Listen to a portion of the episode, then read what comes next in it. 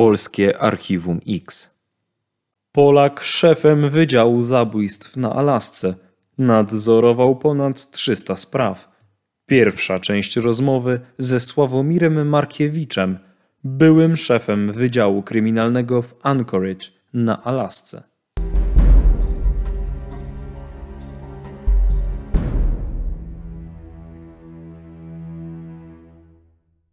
Witamy Państwa w kolejnym odcinku z cyklu Polskie Archiwum Mix. Naszym dzisiejszym gościem jest człowiek nietuzinkowy, człowiek legenda policji na Alasce, człowiek, który przez 14 lat szefował Wydziałowi Zabójstw. W tym czasie miał do czynienia z ponad 300 sprawami o morderstwo. Udało mu się także zatrzymać i prowadzić śledztwa dotyczące seryjnych zabójców. Naszym gościem jest Sławomir Markiewicz. Cześć Sławku. Cześć Dawid. Sławku, no właśnie, jak to się stało, że ty zapragnąłeś być policjantem? Opuściłeś Polskę w 1985 roku, dotarłeś na Laskę, gdzie byłeś kelnerem. Jak to się stało, że w pewnym momencie pomyślałeś, kurczę, zostanę policjantem? No, jak byłem kelnerem, to była to pierwsza praca. Od czegoś trzeba było zacząć i jakoś trzeba było zarabiać na życie, zarabiać e, na wszystkie wydatki. Także pierwsza praca, jaką złapałem, to była praca w restauracji, ale Miałem studia z Polski, miałem dobre wykształcenie, znałem dobrze język angielski, nie miałem problemu z angielskim. Także od razu zacząłem się rozglądać, e, jakie tam są możliwości pracy na Alasce. I e, dużo naszych przyjaciół, ci właśnie, którzy nas sponsorowali, nasi przyjaciele, niektórzy z nich pracowali tam, gdzie się wydobywa ropę naftową, na dalekiej północy nad Oceanem Arktycznym. Także Pierwsze, co myślałem, to może, żeby taką pracę znaleźć. Poszedłem nawet na uniwersytet i wziąłem takie klasy, które by mi pomogły dostać pracę tam na dalekiej północy. Ale też e, rozglądałem się za innymi pracami i pracując w restauracji nawiązałem kontakt, poznałem policjantów. Ja pracowałem na nocną zmianę i byliśmy jedynym takim miejscem w centrum miasta, gdzie, które było otwarte 24 godziny, także o 12 w nocy, czy o drugiej, czy o 4 rano policjanci lubili zajrzeć na kawkę, usiąść, odpocząć, pogadać. Także zaprzyjaźniłem się z nimi i do tego stopnia, że byliśmy po imieniu z wieloma i ta praca zaczęła mnie interesować. Zacząłem się pytać, jak to jest, jakie są egzaminy, co trzeba zrobić. No i ku mojemu zdziwieniu okazało się, że nie potrzeba mieć obywatelstwa amerykańskiego do pracy w policji, w policji lokalnej że wystarczy zielona karta, wystarczy pozwolenie na stały pobyt. I ja takie pozwolenie miałem, miałem zieloną kartę, e, miałem wizę imigracyjną, także po dwóch latach było akurat otwarcie. Przez kilka lat był tam zamrożony budżet, także nie przyjmowali do Akademii Policyjnej, ale już po dwóch latach e, złożyłem aplikację i przystąpiłem do egzaminów do policji. I no, mogę wyjaśnić, to był dosyć e, długi proces i taki. No właśnie, bo ty wstępując do policji miałeś za konkurentów 3000 osób, dostało się tylko z tego co pamiętam 17 z nich. Tak. E, jak e, poszedłem na pierwsze egzaminy pisemne, to zobaczyłem taką halę, jak wyobraź sobie halę gimnastyczną w Polsce, gdzie są egzaminy maturalne, pełna ludzi. Także byłem zaszokowany, że aż tylu kandydatów i rozmawiałem z, jednych, jednym z, z instruktorów, którzy te egzaminy tam prowadzili i on powiedział, to jest tylko część. E, my codziennie takie egzaminy robimy przez cały tydzień i mamy około 3000 kandydatów tym razem. Także ten pierwszy egzamin to był egzamin pisemny z języka angielskiego, który eliminuje jakieś 50% e, ludzi. Potem były następne egzaminy, takie na logiczne, na logiczne myślenie, pamięciowe, na przykład trzeba było patrzeć na jakiś rysunek przez 10 minut, i potem było na przykład 45 pytań na temat tego rysunku. Trzeba było zapamiętać jak najwięcej detali. E, następny był egzamin sprawnościowy, gdzie trzeba było przebiec półtorej mili. Trzeba było wejść po drabinie strażackiej na szóste piętro, z drabiny przejść do okna budynku. Trzeba było manekina e, takiego 80-kilogramowego przeciągnąć 25 yardów. Tego typu rzeczy. Y, także to wszystko poprzechodziłem. Następnie był egzamin psychologiczny, który trwał około 6 godzin, dwa różne testy psychologiczne, kilkaset pytań. A jeszcze wracając do egzaminu pisemnego, to też było dużo napięcia, bo to był egzamin taki na logiczne myślenie. Było 125 pytań i tylko 90 minut, także mniej niż minuta na pytanie, a to trzeba było przeczytać. Były tam 3 czy 4 różne odpowiedzi, a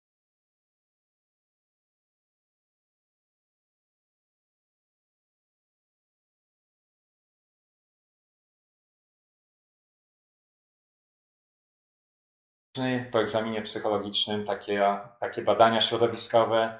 Policja przyszła tam, gdzie pracowałem, rozmawiali z moimi przyjaciółmi, ze wszystkimi osobami, tak, które mnie lepiej znały. No i ku mojemu może nie zaskoczeniu, bo zawsze miałem taką nadzieję, że tą pracę dostanę, ale ku wielkiej radości okazało się, że byłem jednym CD i za 20 ludzi, szybko do którzy szybko do zostali zaakceptowani, którzy zostali przyjęci. Już nie było czasu, tylko że wszyscy musieliśmy jeszcze przejść myśleć badania lekarskie, zakwalifikować się. Także jeszcze raz okazało się, psychologiczny.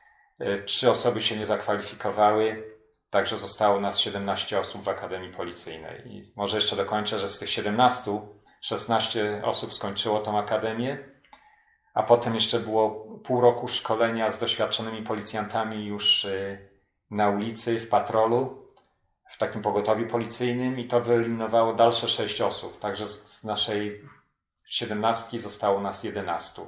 Czy właściwie z trzech tysięcy można powiedzieć z na samym jedenastu, tak. No i ja w tej akademii chciałem udowodnić, że dobrze zrobili, że mnie przyjęli, że na mnie postawili, mimo że byłem imigrantem, mimo że angielski to mój drugi język, także starałem się, kułem, y, uczyłem się, trenowałem na strzelnicy. Także jak akademia się skończyła, okazało się, że ja skończyłem na pierwszym miejscu. Jak wygląda takie szkolenie w Akademii Policyjnej? Bo tak naprawdę no, trochę wiemy o tej amerykańskiej policji tyle w Polsce, ile gdzieś zobaczymy w serialach. A jak to wygląda w rzeczywistości? No, może zacznę od tego, że y, to nie, jest, jak, to nie są warunki, gdzie jest się skoszarowanym, przynajmniej w naszej policji miejskiej, bo policja stanowa E, oni się nazywają Alaska State Troopers. Oni są skoszarowani w takiej miejscowości Sitka na południu Alaski.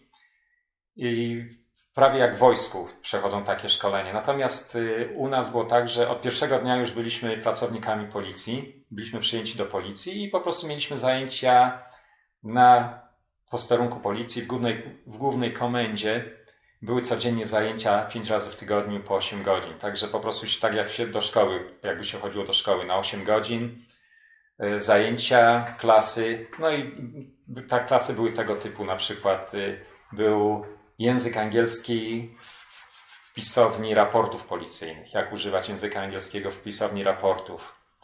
E, raporty policyjne, prawo, strzelanie, tak zwane przetrwanie na ulicy, czyli officer survival, jak się bezpiecznie, jak podchodzi do pracy, żeby powiedzmy wrócić do domu na końcu zmiany, no nie, jak, jakie środki ostrożności zachowywać. Y, byli, klasy prowadzili albo doświadczeni policjanci, albo prokuratorzy, prawnicy, adwokaci, w zależności od tego, jaki to był przedmiot. Y, było też dużo czasu poświęcone tak jak e, pierwszej pomocy medycznej. No, sztuczne oddychanie, tamowanie krwi, czyli praktycznie tak jak e, ratowników nas szkolono e, także, dlatego że w Stanach, podobnie zresztą jak i w Polsce, czasami policja jest pierwsza na scenie gdzieś wypadku czy jakiejś strzelaniny niż ratownicy i oni muszą pierwsze co robią to ratować życie. Także też duży nacisk był na to położony. Może powiem jeszcze, bo to, to jest też tak ciekawe i to, co utkwiło mi w pamięci, to strzelanie. Trzeba było się zakwalifikować e, e, ze strzelania. I ta klasa strzelania to było 40 godzin, czyli 5 razy po 8 godzin na strzelnicy, z tym, że to była strzelnica wojskowa na zewnątrz, na takim poligonie i nasza e, cała ta klasa tygodniowa miała miejsce w grudniu na Alasce i były temperatury rzędu minus 30, minus 40 stopni. Także było potwornie zimno. Mieliśmy taki stary autobus szkolny przystosowany y, do treningu, który cały czas tam silnik chodził i on stał y, blisko nas na tej strzelnicy, y, żeby tam można było wejść i się ogrzać, ale nawet w tym autobusie wszystkie okna były zamarznięte, także jak się tam weszło do tego autobusu, to trzeba było dobrze chuchać na to okno, żeby coś widzieć. E, rękawiczki musieliśmy mieć podwójne. Pierwsze takie cienkie, z palcami, żeby można było pistoletem operować i drugie takie wielkie, grube, także jak były jakieś instrukcje, to te wielkie, grube rękawice były założone jak już przychodziło, żeby strzelać, to, to, strzela, to się te grube zdejmowało i w tych cienkich, bo gdybyśmy tych cienkich nie mieli, to by prawdopodobnie ręka przymarzła do tego pistoletu. I teraz następna ciekawa sprawa to pistolet. Dostaliśmy rewolwery Smith Wesson 357, czyli 357. Bardzo mocny bardzo mocny pistolet, bardzo mocne kule, które potrafią bardzo dużo szkody y, zrobić. Ale też y, duży odrzut i no, trzeba było dobrze trenować. No i na zakończenie tej klasy trzeba było się zakwalifikować i to było bardzo też takie stresujące, bo straszyli, że jak się ktoś nie zakwalifikuje na końcu tygodnia, to odpadnie z akademii. Potem to się zmieniło w następnych latach, ale na, jeszcze jak ja byłem w tej akademii, to bardzo rygorystycznie do tego podchodzili. No ja pamiętam, pierwsza taka kwalifikacja to była chyba w trzeci dzień, taka próbna. I, I o jeden punkt mi zabrakło, że się nie zakwalifikowałem, ale jeszcze miałem dwa dni, ale już było takie napięcie, ciśnienie, że, ciśnienie, że jak, był była następna próba, to już o 20 punktów e, oblałem, no nie? E, trzeba było było 240 punktów e, maksimum, a trzeba było zdobyć 192 punkty, wystrzelać 192 punkty, żeby się zakwalifikować. No ale w czwarty dzień była taka następna próba, tych prób było kilka i jak już raz się zakwalifikowałem, to potem już nigdy nie miałem problemów. Już to, to jakieś napięcie minęło, już człowiek był bardziej zrelaksowany. Mówisz o strzelaniu, ja się tak zastanawiam, czy kiedyś była taka sytuacja, kiedy już jako policjant musiałeś użyć broni. Nie, na szczęście nigdy nie było takiej sytuacji. Statystycznie w USA jeden policjant na czterech w czasie swojej kariery musi użyć broni, musi strzelić. Także ja na szczęście byłem w tych e, pozostałych 70%, które, którzy nigdy nie muszą użyć broni. Chociaż było kilka sytuacji, gdzie było to blisko. No właśnie, jedną z takich sytuacji była interwencja, na którą ty przybyłeś jako jedna jeden z pierwszych policjantów. Mógłbyś o nie powiedzieć? Tak, to wysłano mnie i kolegę, drugiego policjanta, na interwencję do domu, gdzie mąż pobił żonę. Żona dzwoniła, czyli taka przemoc w rodzinie. Y, tak to się chyba tutaj też w Polsce określa. I muszę wspomnieć, że w czasie takich interwencji zginie najwięcej policjantów w Stanach Zjednoczonych. Y, przemoc w rodzinie oraz zatrzymywanie samochodów gdzieś. W, tych sytuacjach ginie najwięcej policjantów. Także no, zawsze trzeba uważać, bo te emocje są bardzo silne. Czasami to oznacza jakiś koniec jakiegoś związku, no, jakieś nerwy. Ludzie są bardzo zdenerwowani, napięci. I jak skontaktowaliśmy się z tą kobietą, która zadzwoniła, i jej mąż w tym czasie się schował gdzieś do jakiejś sypialni. Ona mówi: Słuchajcie, on tam ma broń, on, on może tą broń wyciągnąć. Także Szybko wyciągnęliśmy ją z domu i jak my wychodziliśmy z tego domu, to on się pokazał, wychodząc z, z domu zaraz za nami, z karabinem w ręku. Także ja szybko, ja i kolega szybko się schowaliśmy za samochód. Ja z tą kobietą za jeden samochód, on za drugi samochód, bo były dwa samochody przed domem. I widziałem tego człowieka, i teraz to tak w zwolnionym tempie, wtedy mi się też wydawało, jakby w zwolnionym tempie, jak on podnosi tą strzelbę, i ja już miałem swój pistolet wyciągnięty i już w niego mierzyłem. E, tak miałem muszkę powiedzmy na jego stopach, żeby widzieć, co on robi z tym karabinem. I on podniósł go tak do, gdzieś do 45 stopni. I w, moim, w moich myślach wiedziałem, że jeszcze jak podniesie jakieś 5 czy 10 centymetrów, to już nie będę miał wyjścia, tylko będę musiał do niego strzelać, żeby bronić swoje życie i życie tej kobiety i drugiego policjanta.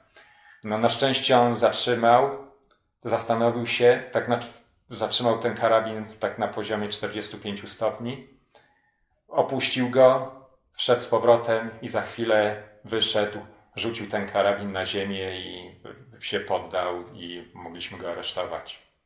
Także to, było, to była taka sytuacja, gdzie było to najbliżej.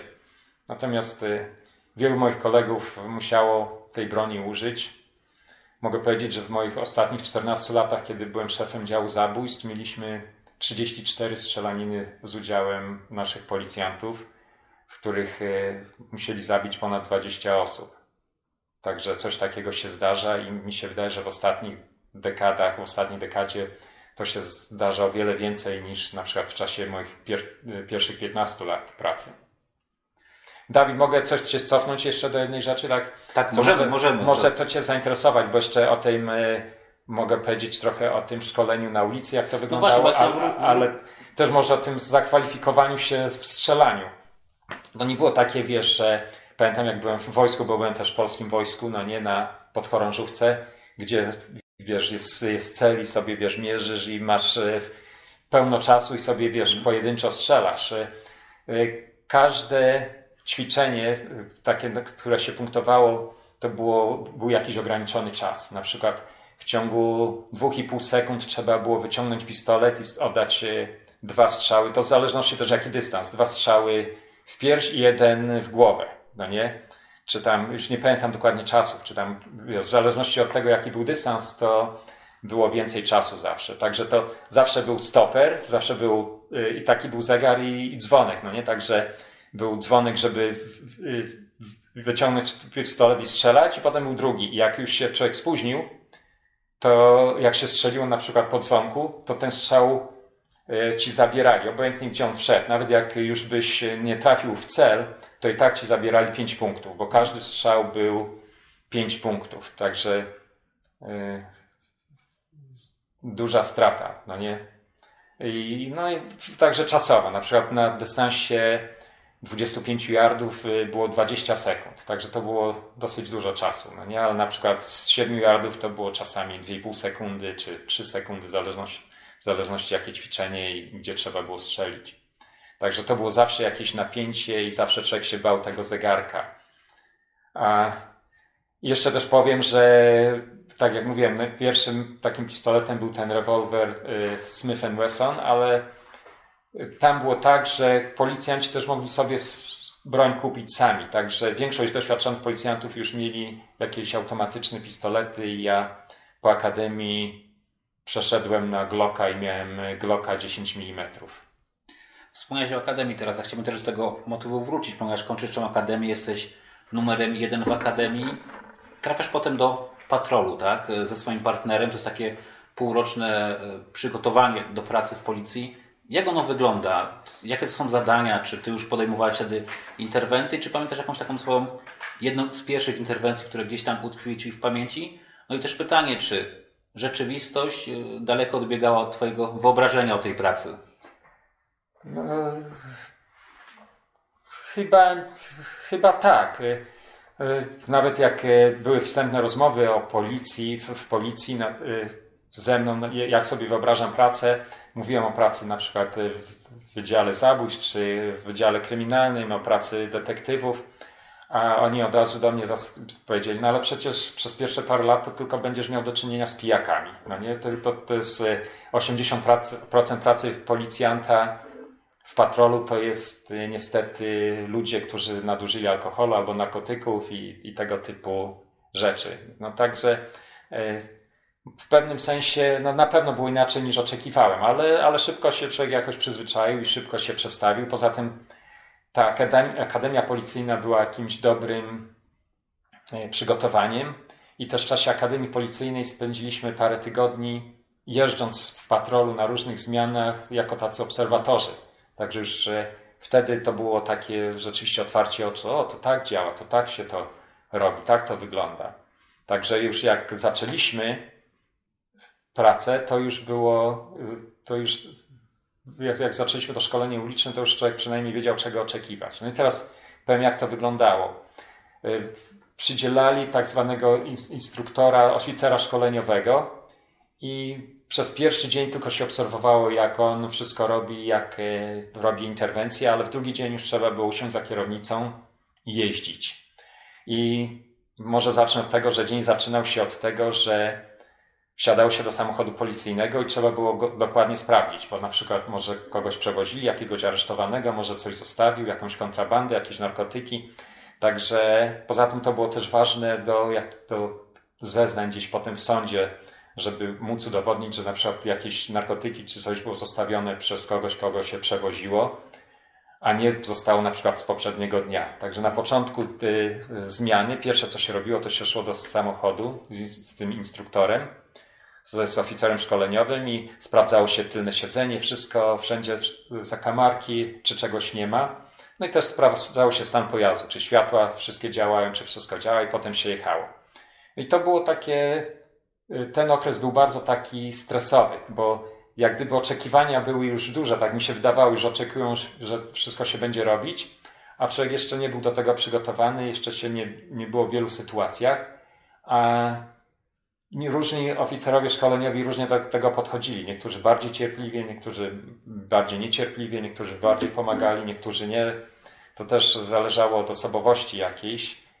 I na przykład u mnie było tak, że y, pomagał mi do dużo i dawał jakieś rady, ale też obserwował, co ja robię, jak się zachowuję. I to, i to wyglądało tak, że na końcu dnia były 32 pozycje, które oni oceniali. I my wiedzieliśmy, że będziemy w tym oceniani. Między innymi jak się odpowiada na, przez radio, jak się używa radia, jak się znajduje ulicę, jak się rozmawia z ludźmi, czy się jest profesjonalnym, czy się ludzi traktuje dobrze, czy niedobrze, jak się traktuje innych policjantów, jaki jest w ogóle stosunek innych policjantów do ciebie, czy jesteś przyjazny, czy jesteś taki raczej takim sopkiem, no nie, czy pomagasz innym policjantom.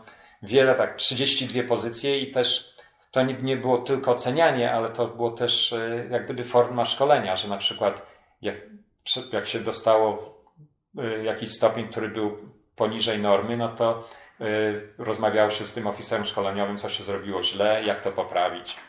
I skala była jedna do siedmiu i żeby zdać, to trzeba było mieć y, czwórkę.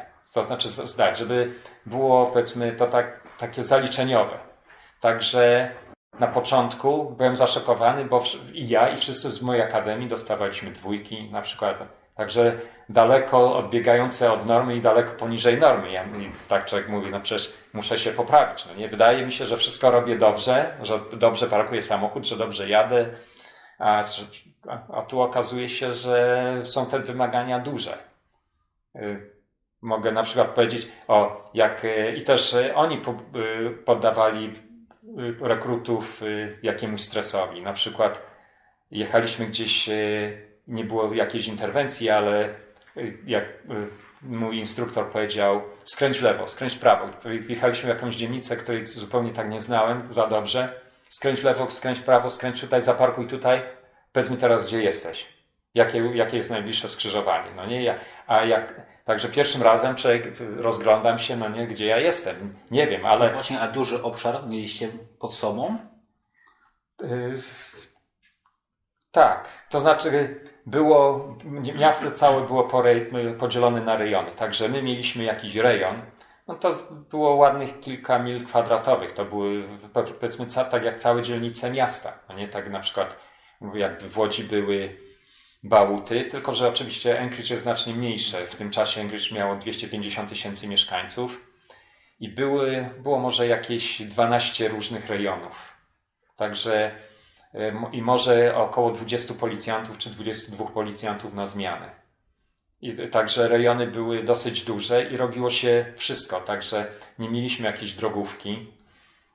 E, czasami się stało z radarem, jak nie było jakiejś interwencji, czy zatrzymywało się samochody i nawet w tym czasie tego szkolenia było bardzo ważne, że jak nie ma wezwań do jakiejś interwencji, żeby coś robić, nie siedzieć bezczynnie, tylko szukać sobie pracy, zatrzymywać jakieś samochody, Y, radar używać, y, sprawdzać jakieś biznesy, sprawdzać, czy gdzieś nie ma włamań. No nie, także cały czas trzeba było coś robić, że nie było to, że no, nie ma interwencji, to ja sobie gdzieś stanę i będę czekał, no nie? I, i to też było oceniane, jak, jak ktoś sobie potrafi znaleźć pracę i jaką pracę znajduje, co robi.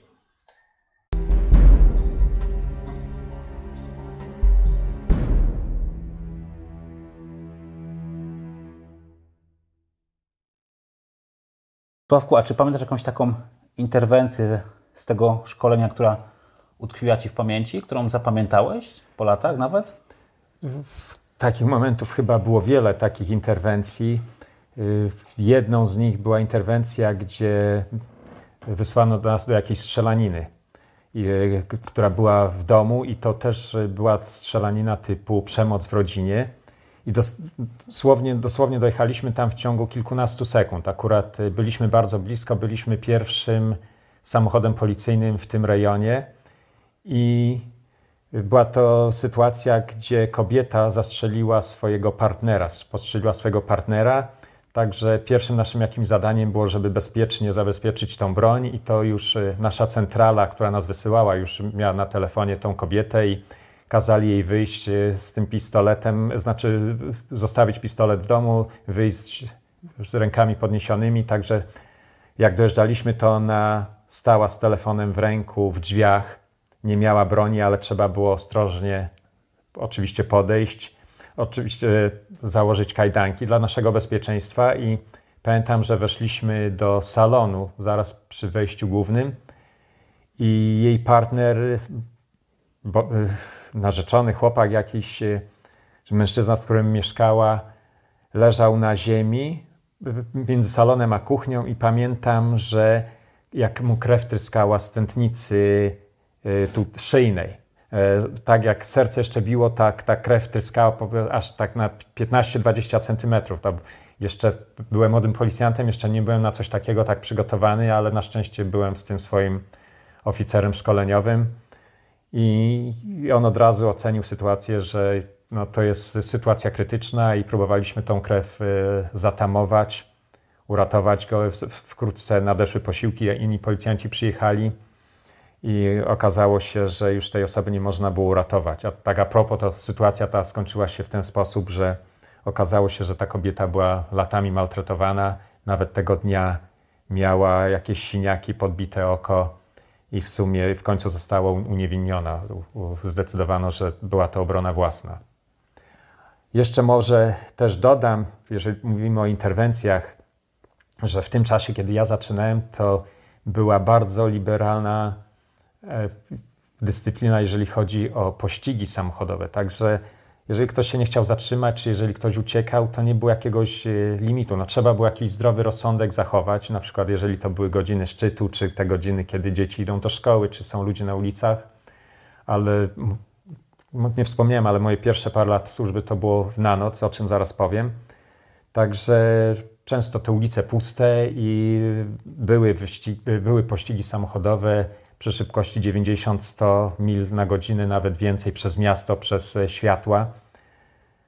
I też e, do tego trzeba było mieć odpowiednie przeszkolenie. Zawsze jest obowiązek zatrzymania się na skrzyżowaniach, zatrzymania się przy czerwonym świetle, ale pamiętam pierwsze parę takich pościgów, to rzeczywiście to i miałem stracha, i było wielkie napięcie. I, I, też trzeba było, powiedzmy, przez to przejść i to zaliczyć. Mogę, mogę powiedzieć, o takiej interwencji, ale to już nie byłem wtedy z tym oficerem szkoleniowym, już byłem sam. Pracowałem w patrolu na popołudniową zmianę i była taka sytuacja, że zamordowano taksówkarza i dostaliśmy tą informację bardzo szybko po tym. Ktoś widział, jak e, taksówkarz się z kimś e, mocuje. Padł strzał, taksówkarz padł na ziemię. Okazało się, że zabity, zamordowany i przestępca wskoczył do taksówki i zaczął tą taksówką uciekać. Także ja akurat pracowałem w tym rejonie i dołączyłem się do pościgu. To były godziny popołudniowe, 18, 18.30, duży, duży ruch, a my mkniemy przez miasto to nie wiem, 100 mil, 150 km na godzinę momentami.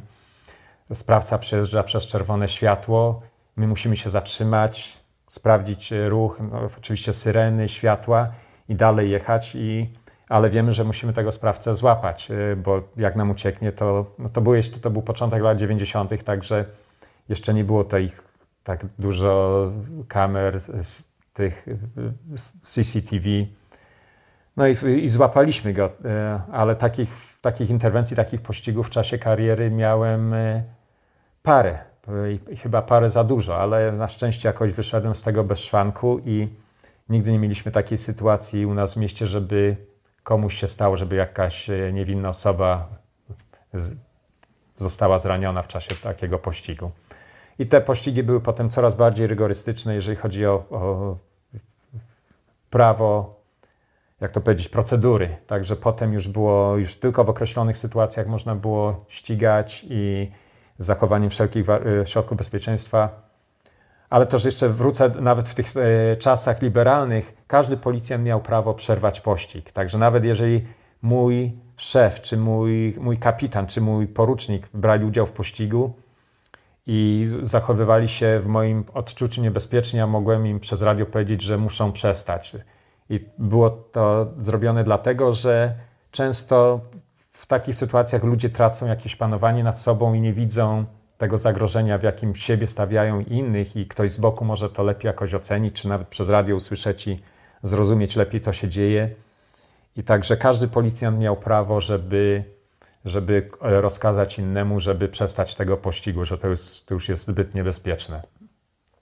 Inna interwencja, którą pamiętam, to e, też, też zaraz na początku kariery, jeszcze z oficerem szkoleniowym, kiedy wysłano nas do zakucia nożem. Ktoś został zakuty nożem. No i pamiętam, że przyjechaliśmy do jakiegoś mieszkania, szybko weszliśmy, sprawca uciekł, ofiara zakrwawiona na podłodze i ja próbuję najpierw zatamować krew e, płynącą z, z okolic piersi e, tego mężczyzny, i, a równocześnie trzeba zacząć sztuczne oddychanie, bo widać, że już ta osoba przestaje oddychać i, i trzeba tę osobę ratować. I w tym wypadku to było morderstwo i ten mężczyzna został zamordowany.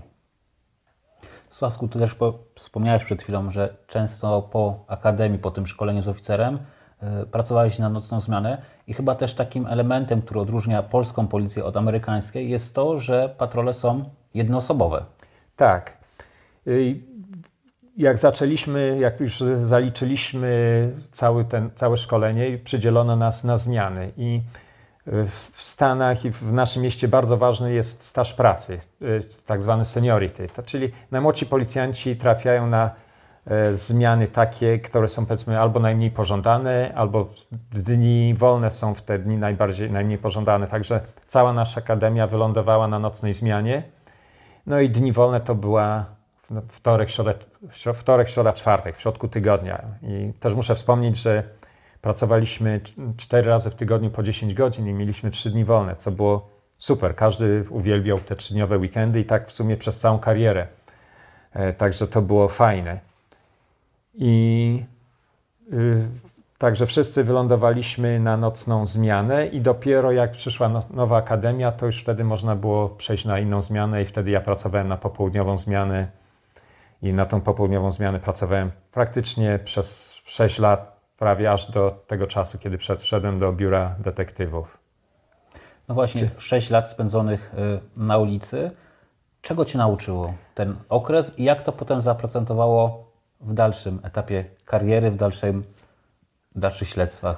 W sumie z nocną zmianą to było 7 lat i po prostu przez te 7 lat już się wiele widziało. Byłem na miejscach y, zbrodni, byłem na miejscach, gdzie były jakieś y, zamachy bombowe i w ogóle niektóre sprawy, które mieliśmy w Anchorage, mimo że takie no, nieduże miasto, jak na warunki amerykańskie, ale dużo się działo, dużo ludzi z bronią. Y, niektóre sprawy były po prostu niesamowite. Jeszcze może jedną sytuację opowiem, ciekawą, która mi się przydarzyła też zaraz, to był chyba pierwszy miesiąc po tym, jak już zacząłem sam jeździć y, w patrolu. A, a w, w, ogóle wrócę jeszcze raz do Twojego pytania wcześniej, co jakoś pominąłem. W naszym mieście Wękrycz każdy policjant pracuje indywidualnie. Także jak już się zaliczyło akademię i to szkolenie, dostawał się samochód policyjny. I ten samochód już był jak gdyby na własność. Także można go też było używać, żeby jechać nim do domu. Można było go używać, żeby dzieci zawieźć do przedszkola, czy jakieś małe zakupy zrobić jakieś wielkie zakupy z koszami jakimiś wielkimi, y, to były niewskazane, żeby to tak, tak bo to nieładnie wygląda, jak się, zwłaszcza w mundurze, ale po zakończeniu zmiany nie było problemu, żeby na przykład iść do sklepu i zrobić jakieś małe zakupy i wrzucić to do bagażnika. Y, były jakieś procedury, oczywiście nie wolno na przykład było nam w samochodzie policyjnym przewozić alkoholu. Y, no i w ogóle, jeżeli chodzi o alkohol, to oczywiście zero tolerancji. Jeżeli ktoś byłby przyłapany E, na tym, że jest w pracy po alkoholu, czy że od kogoś czuć alkoholem, to natychmiastowe zwolnienie z pracy. To oczywiście, no to chyba wszędzie tak, y, tak jest. I także te, te samochody były na własność i także każdy o, o nie dbał, no ale policjant zawsze był sam, wszędzie się jeździło na interwencję samemu. Z tym, że były procedury takie, że na przykład jak była przemoc w rodzinie, to, to zawsze ktoś pomagał, to wysyłali kilku policjantów. Czy na przykład pracowałem w jakimś rejonie mniej bezpiecznym, czy gdzie dużo się działo, pracowałem tam w nocy i zatrzymywałem sam samochód w nocy, to natychmiast pojawiał się jakiś inny policjant, e, bo słyszą przez radio, gdzie się jest, co się robi. No nie, także mieliśmy taki zwyczaj też dbania o siebie o swoich przyjaciół w pracy.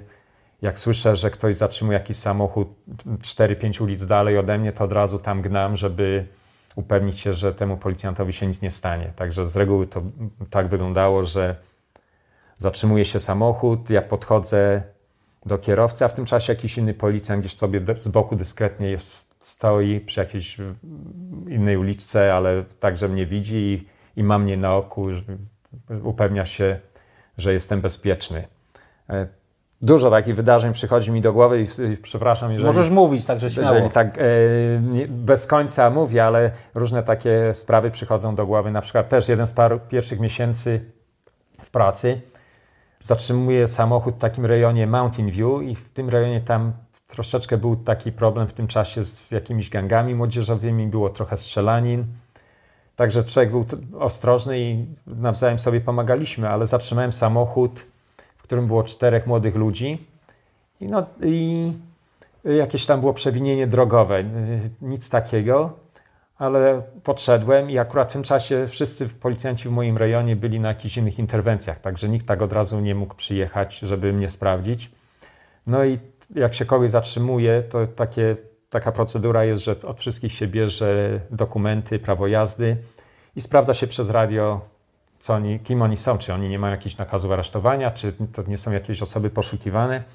Także od razu idę do tak, takiego drugiego kanału, gdzie się przez komputer wszystko podawało.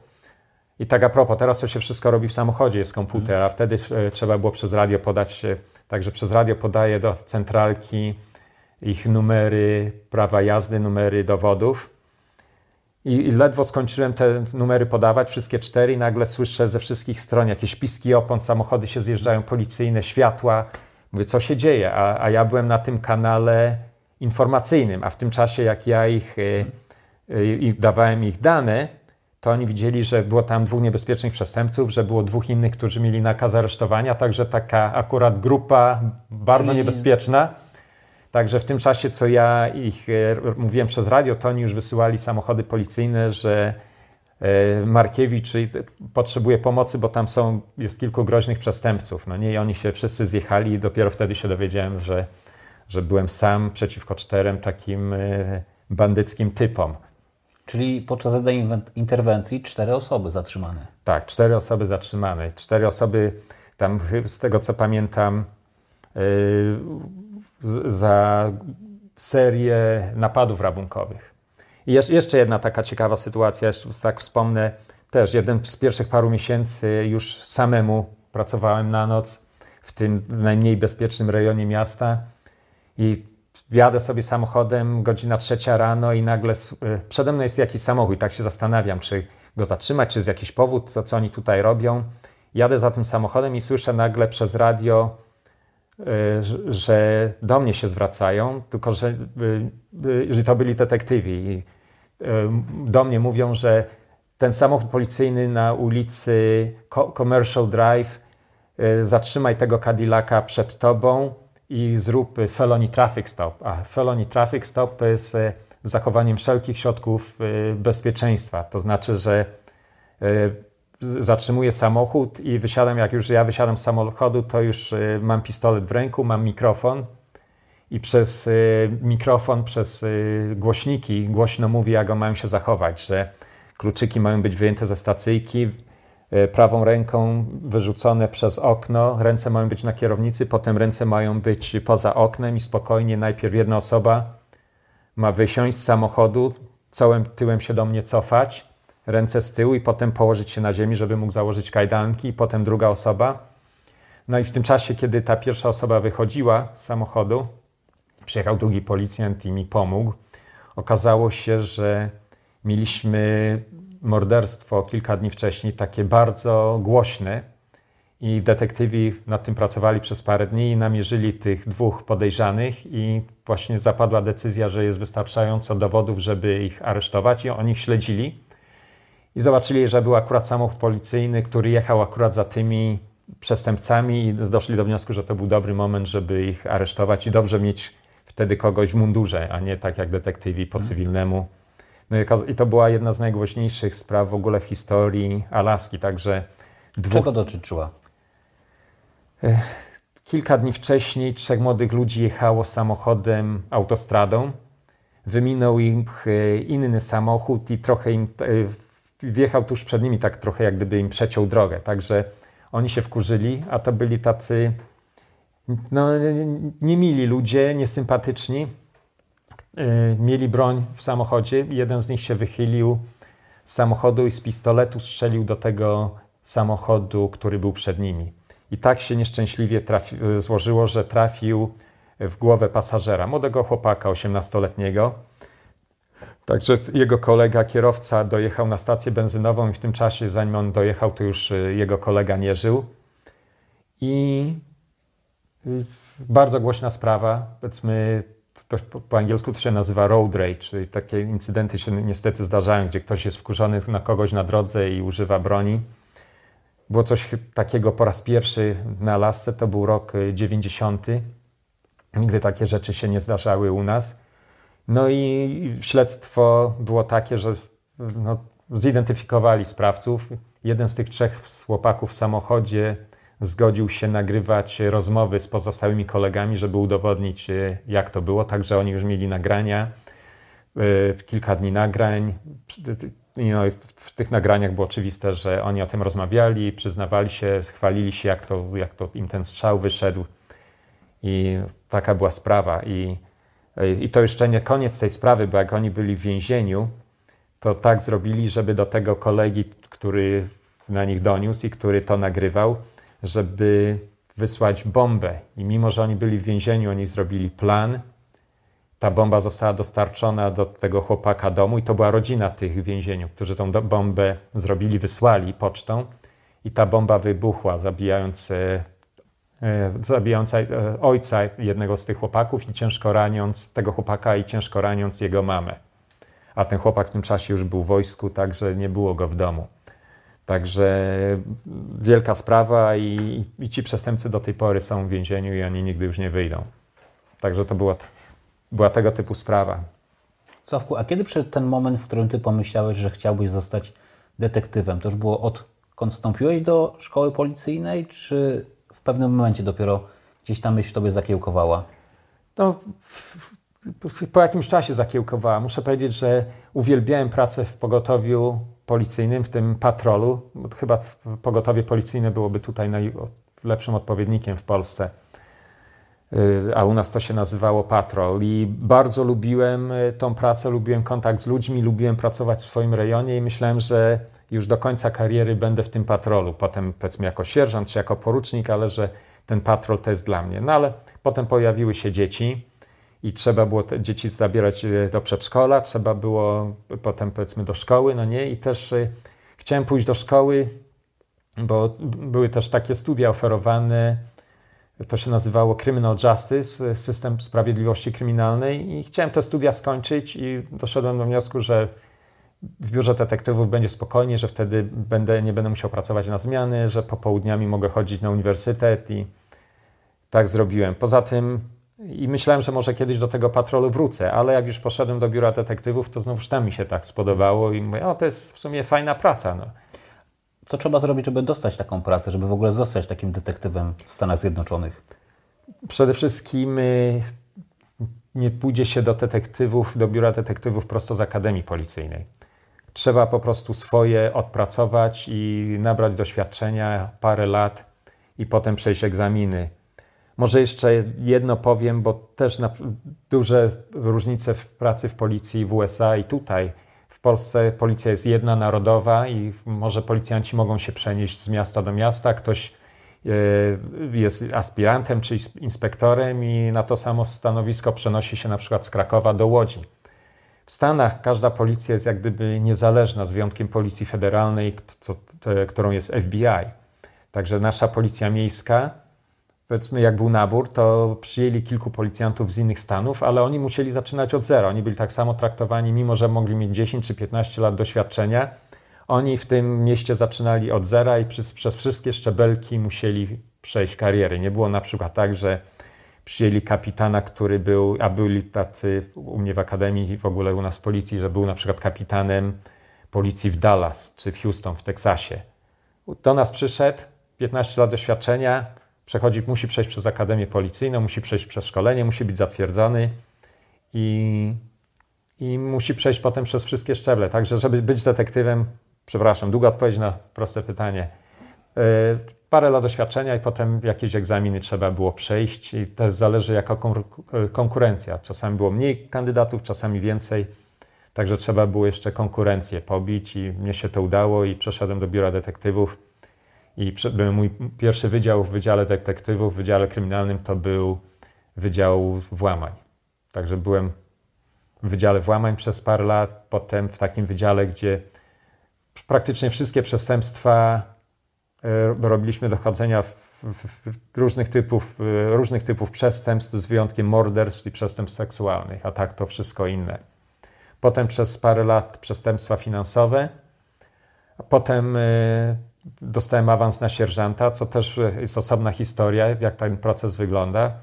Może zacznę od tego, że jak chciałem być sierżantem, jak podjąłem taką decyzję, to też trzeba było czekać, że jak będą otwarcia i jak zrobili te otwarcia, to były egzaminy. I do egzaminów w tym czasie, bo zawsze były powiedzmy jakieś obawy, były związki zawodowe, w to e, się mieszały też, no nie, e, nie, nie to, że się mieszały, ale pilnowały, żeby wszystko było, żeby to nie było jakieś znajomości, że ten ktoś tam kogoś lepiej lubi, kogoś zna, tak żeby była E, firma zakontraktowana z innego stanu, z Kalifornii. Oni przyjeżdżali i dawali takie standardowe testy i oni oceniali i oni dali, dawali listę. I jednym, jednym z takich testów na przykład był test na wideo, gdzie e, musiałem się patrzeć na monitor i była tam jakaś, e, jakaś scena się rozgrywała, dramatyczna czy mniej dramatyczna i ja, ja musiałem tak reagować, jakbym ja był tym, przy tym obecny. No nie? I jedną z takich scen na przykład jaką ja miałem na tym egzaminie, to była kłótnia i prawie bójka między dwoma policjantami. O coś tam się pokłócili, zaczęła się jakaś przepychanka, zaczęło się jakieś bluźnienie, rzucanie papierów. Y, no i ja jako przełożony mam w tej sytuacji zareagować, jak ja reaguję. I tego typu sytuacje. Potem był też egzamin pisemny, no to już jakieś procedury, prawa, ale głównie procedury, jakieś dyscyplinarne procedury. No i to było oceniane i to było różnych kilka kategorii i ja pamiętam na tych 40 paru osób, e, teraz sobie to sprawdziłem jeszcze raz, byłem czwarty.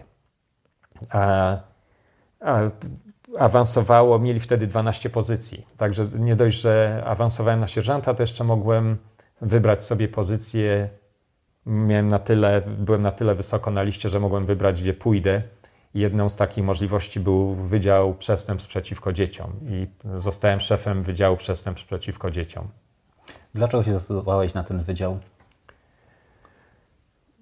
Jednym z takich powodów to, był, to było to, że no, sam miałem dzieci i też chciałem powiedzmy przyczynić się do jakiegoś bezpieczeństwa dzieci i, i też y, były dobre możliwości szkoleniowe, ale mi się wydaje, że jakieś, e, jakaś sympatia dla dzieci i zainteresowanie dziećmi, chęć ochrony, chęć zrobienia czegoś, żeby, żeby trzymać je bezpieczne. I, I też na pewno jakieś e, dobre doświadczenie, dobre jakieś możliwości szkoleniowe. W tym czasie było powiedzmy dużo pieniędzy jakichś federalnych na szkolenia i właśnie jeżeli chodzi o przestępstwa przeciwko dzieciom, zresztą do tej pory Także dużo było jakichś możliwości podniesienia kwalifikacji, szkoleń. I byłem w tym wydziale przez y, prawie 3 lata. W różnego typu sprawy, morderstwa, przestępstwa jakieś seksualne. No i też niestety miałem takie przykre obowiązki, że były, były dwie sprawy, gdzie sprawcami okazali się nasi policjanci. Także nagle stałem się takim, no, nagle nie tylko, że ro, rozwiązuję sprawy jakieś kryminalne, ale okazuje się, że to nasz, jeden z naszych policjantów jest coś mieszany i, i muszę po cichu prowadzić doświadczenie przeciwko kogoś, komuś, kogo znam. Także to była zupełnie jakaś nowa sytuacja. I to było tak, że nikt nie, o tym nie wiedział, tylko ja i, i szef policji. I e, szef mnie wezwał, powiedział mi o tym, no niestety jest e, nasz policjant podejrzany o takie przestępstwo i rodzina jego jest w tej chwili w Teksasie. Trzeba jechać do Teksasu i zrobić dochodzenie, tam z tą rodziną porozmawiać, czy zebrać dowody. Także jeszcze tego samego dnia wsiadam w samolot, lecę do Teksasu. Nikt o tym nie wie, wszystko po cichutku. I tam rozmawiam z rodziną, zbieram dowody, wracam, przygotowuję nakazy rewizji, nakazy różne sądowe, no nie, i zaczynamy śledztwo i, i no niestety skończyło się to rozprawą i i nasz policjant został skazany na karę więzienia za jakieś przestępstwa seksualne. Także tego typu sprawy też trzeba było robić. Czyli de facto musiałeś aresztować swojego kolegę. Tak, y, musiałem aresztować swojego kolegę, co nie było może przyjemne, ale no taka jest praca i, i, i tego wymaga prawo i poza tym nie chcemy takich ludzi w policji. Y, także z jednej strony y, było przykre to, że nie to, że samo aresztowanie kolegi, ale to, że kto, ktoś, ktoś komu, komu ufamy, ktoś, kto powinien chronić dzieci, chronić e, rodziny, chronić ludzi, sam jak popełnia jakieś ciężkie przestępstwa. Także nie było jakiegoś wahania czy jakiegoś e, powiedzmy żalu.